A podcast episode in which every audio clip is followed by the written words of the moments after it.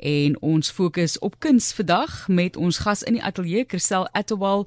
Ek gaan kyk na die kuns, dis fascinerend en daardie verhouding tussen ons en die aarde, sosio-ekologiese probleme wat sy aanspreek en sy het besluit op 'n multidissiplinêre platform as kunstenaar en sy vertel ons 'n bietjie daai skakel tussen die mense en die aarde.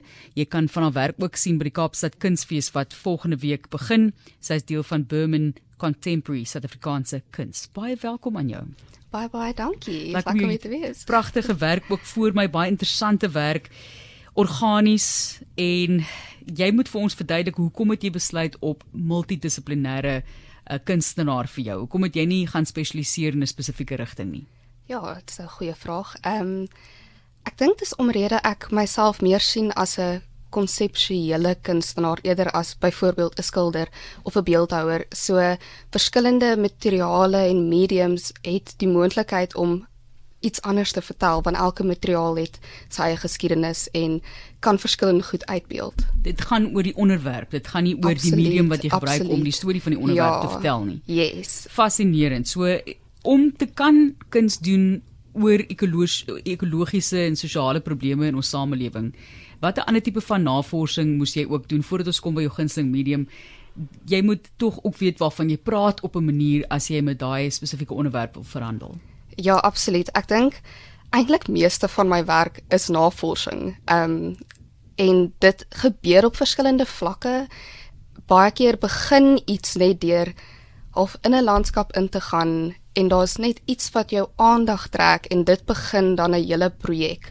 En baie keer is die navorsing half miskien mense wat bly of al gewerk het op die land dit is geskiedenis wat oorvertel word deur generasies maar dan ook baie keer moet ek meer akademiese navorsing doen kyk na argiewe werk met verskillende mense in ander velde om om meer spesifiek ehm um, ja iets in diepte te kan navors dat jy dan weet waarvan jy praat Inderdaad, waarmee is jy tans besig? Wat navors jy tans?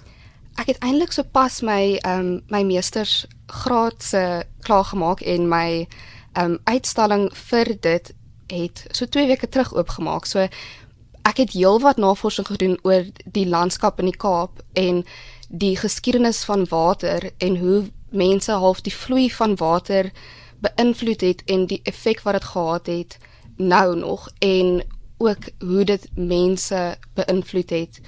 Ek bedoel soos jy sê dis die sosiale kant van geskiedenis is altyd deel daarvan. Jy kan nie die twee dink ek skei nie. Voordat ons kom by van die kwessies wat jy aanspreek en op fokus, watter medium is vir jou die moeilikste? Een wat die dalk kan jy ook jou gunsteling gee, maar jy kan kies daarso. Ja, oh, die die moeilikste. Kyk, ek het nou onlangs begin bietjie met ehm um, videowerk en klank en so aan en ek dink tegnologie het maar altyd sy uitdagings. Maar ek wonder, dis dalk glas. Glas is 'n baie moeilike materiaal. Ehm um, dit is jy weet hy's broos, ehm um, verskriklike hitte waarmee jy werk en natuurlik nou met ehm um, beerdkrag is dit moeilik om die oonde aan te hou so daar's baie ja. sulke tipe goed wat mense nie altyd aan dink nie. Ehm um, wat dit regtig moeilik maak om jou projekte uh, jy weet reg te doen en die glas jy het nie eintlik so baie beheer oor oor dit soos wat jy sou hê as jy 'n skildery maak nie. Dis interessant in in die Covid tydperk was dit vir 'n baie groot glasmaatskappy 'n groot uitdaging. Daar was 'n tekort aan bottels want hulle oh, wow. kon nie elke keer elke keer van voor af hierdie smelters aan die brandsteek of aan die gang kry en dit is 'n baie ja. groot proses. Dis om net van skakel af en sit aan. Nie en voor my het ek juis ook van hierdie glas werk voor my. Vertel vir ons net bietjie as jy vir ons kan verduidelik hoe jy sosio-ekologiese kwessies uitbeeld in kuns. Vir die wat nou nie daar kan wees nie nie almal kan, kan kan gaan na hierdie kunsfeeste toe nie of byvoorbeeld oor see gaan waar jy ook al baie uitgestel het mm. ons gaan nou 'n bietjie daaroor gesels en hoe dit oor see ontvang word maar beskryf vir ons asseblief een of twee werke. Goed. Ehm um, as jy nou kyk na meer die sosio-ekologiese kant van my werk, baie keer is dit regtig ehm um, hoe kan ek dit nou sê? Ehm um, dis nuanced. Ehm um, skus, ek kan nou nie dink aan die Afrikaanse woord nie, maar ag genuanceer as jy ja. nou daai anglisisme wil vat. so byvoorbeeld ehm um, die glaswerke wat jy nou voor jou het en van die werk wat ek ook gaan uitstal by die ehm um, Cape Town Art Fair volgende naweek is glas wat oor klip geblaas is en daar's 'n baie interessante geskiedenis oor die klip en dit is ook 'n 'n diep geskiedenis aan die mense wat gebly het in Kaapstad, jy weet die Khoi Khoisan, die Kuna. Jy weet daar's verskriklik baie geskiedenis wat mense geaffekteer het wat ook nou die land affekteer en die ekologie. So daar's verskriklik baie hier ehm um, klippe wat gevorm was deur water.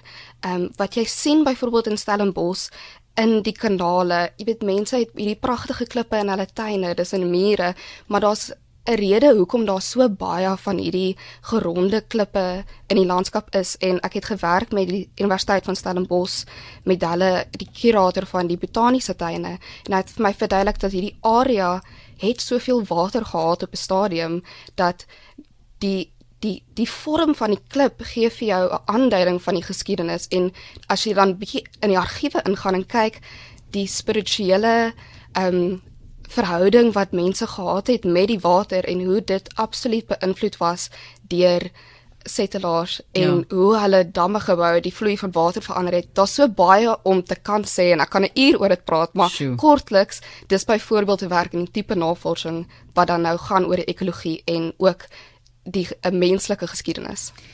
Is inskakel by 360 en Christel Atwa kuier by ons, 'n multidissiplinêre kunstenaar en sy fokus op die verhouding tussen ons en die aarde. Kom ons praat bietjie oor daai uitstallings wêreldwyd, hoe word dit ontvang? Ah, oh, goed, jy weet ek is nog jonk en ek's besig. Ek hopelik 'n lang loopbaan voor my, so baie keer van die goed wat ek oor see ook doen is byvoorbeeld 'n seminar waar ek sal deel wees van klomp mense wat praat oor 'n selfe tipe onderwerp soos landskappe wat deur trauma gegaan het, wat beteken dit? En so leer ek ook, so dis nie net noodwendig om my werk te wys nie, maar ook die blootstelling wat ek kry is ongelooflik, die mense wat jy ontmoet en om te ehm um, in myself weer die kennis te bestee om te kan luister na ander wat nou al langer pad geloop het as ek. En die toekoms praat met ons daaroor? Die toekoms. Ehm um, jy kan nie die nabye toekoms ook kies. Wat kan mense gaan besigtig byvoorbeeld by die Kaapstad Kunsfees? Wel, by die by die Kunstefees nou ek gaan nuwe werk wys wat ek nog ehm um, glad nie gewys het nie en dit is ek's baie opgewonde oor dit want dit is ek het onlangs getrek van Johannesburg af Kaap toe so die hierdie werk weerspieël die ehm um, hoe verskillende landskappe invloed gehad het in my werk. So daar's 'n bietjie van 'n skuif in in hierdie nuwe werk en ons groot ehm um, olieverf skilderye met klei op dit en dit is gekraak en dit is jy weet dit is half 'n uh, dit bou op my vorige werk maar dit dit wys 'n bietjie 'n rigting waartoe ek nou gaan wat nuut is en met die ander kunstenaars is daar mense wat jy dalk ook sal wil gaan besigtig by die kunsfees self. Hulle noem dit natuurlik die Cape Town Art Fair. So jy ja. gaan nou nie as jy soek Kaapstad Kunsfees gaan jy dit kry nie. Art Fair kan jy gaan kyk. So watter ander kunstenaars sien jy nou uit? Die Art Fair het altyd vir my net 'n ongelooflike verskeidenheid van kunstenaars en dit is altyd ook nie net in Suid-Afrika nie, dis oor die hele kontinent. Daar is, jy weet, internasionale ehm um, kunstenaars wat wys. So dit is al 'n oomblik in tyd wat jy kan sien wat gaan aan in die kunswêreld.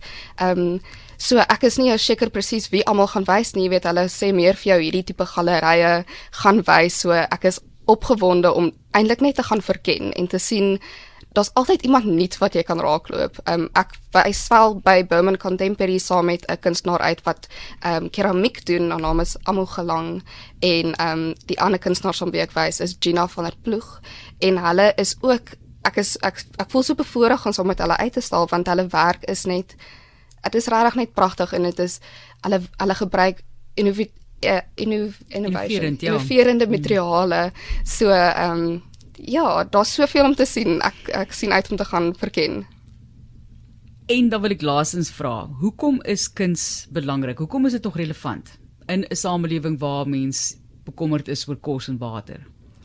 Ehm um, ek dink kuns is iets wat eintlik vir almal belangrik is, nie net vir kunstenaars nie. Dit is 'n manier van jouself uitleef en dit is ehm um, daar's 'n boek geskryf deur Donna Haraway Staying with the Trouble en sy praat oor hoe kan jy reageer op die tyd en as jy nou praat oor ekologiese goed almal het hulle eie unieke manier om te kan reageer en byvoorbeeld my kuns is my manier om te reageer, dit is my amper soos 'n visuele taal en ek dink dit is iets wat omdat dit baie keer abstrakt kan wees, kan soveel ander mense ehm um, relate en jy kan met ander mense wat nie in daai veld is nie kommunikeer oor die hele wêreld met kuns wat jy nie noodwendig sou kan doen in ander velde nie. Is 'n taal op sy eie nou. Absoluut. Baie baie dankie. Dankie vir die inspirasie en soos jy gehoor het, sy is nog jonk en sy gaan nog diep spore trap in die wêreld van kuns en dan sosio-ekologiese probleme wat sy wêreldwyd en in Suid-Afrika in kuns uitbeeld. Baie dankie Christel Atwell en sy is dan deel van die Burman Contemporary Suid-Afrikaanse kunsuitstalling by die Kaapstad Kunsfees. Baie dankie vir die kuier hierso. Baie baie dankie. Waardeer die, die geweldige talent.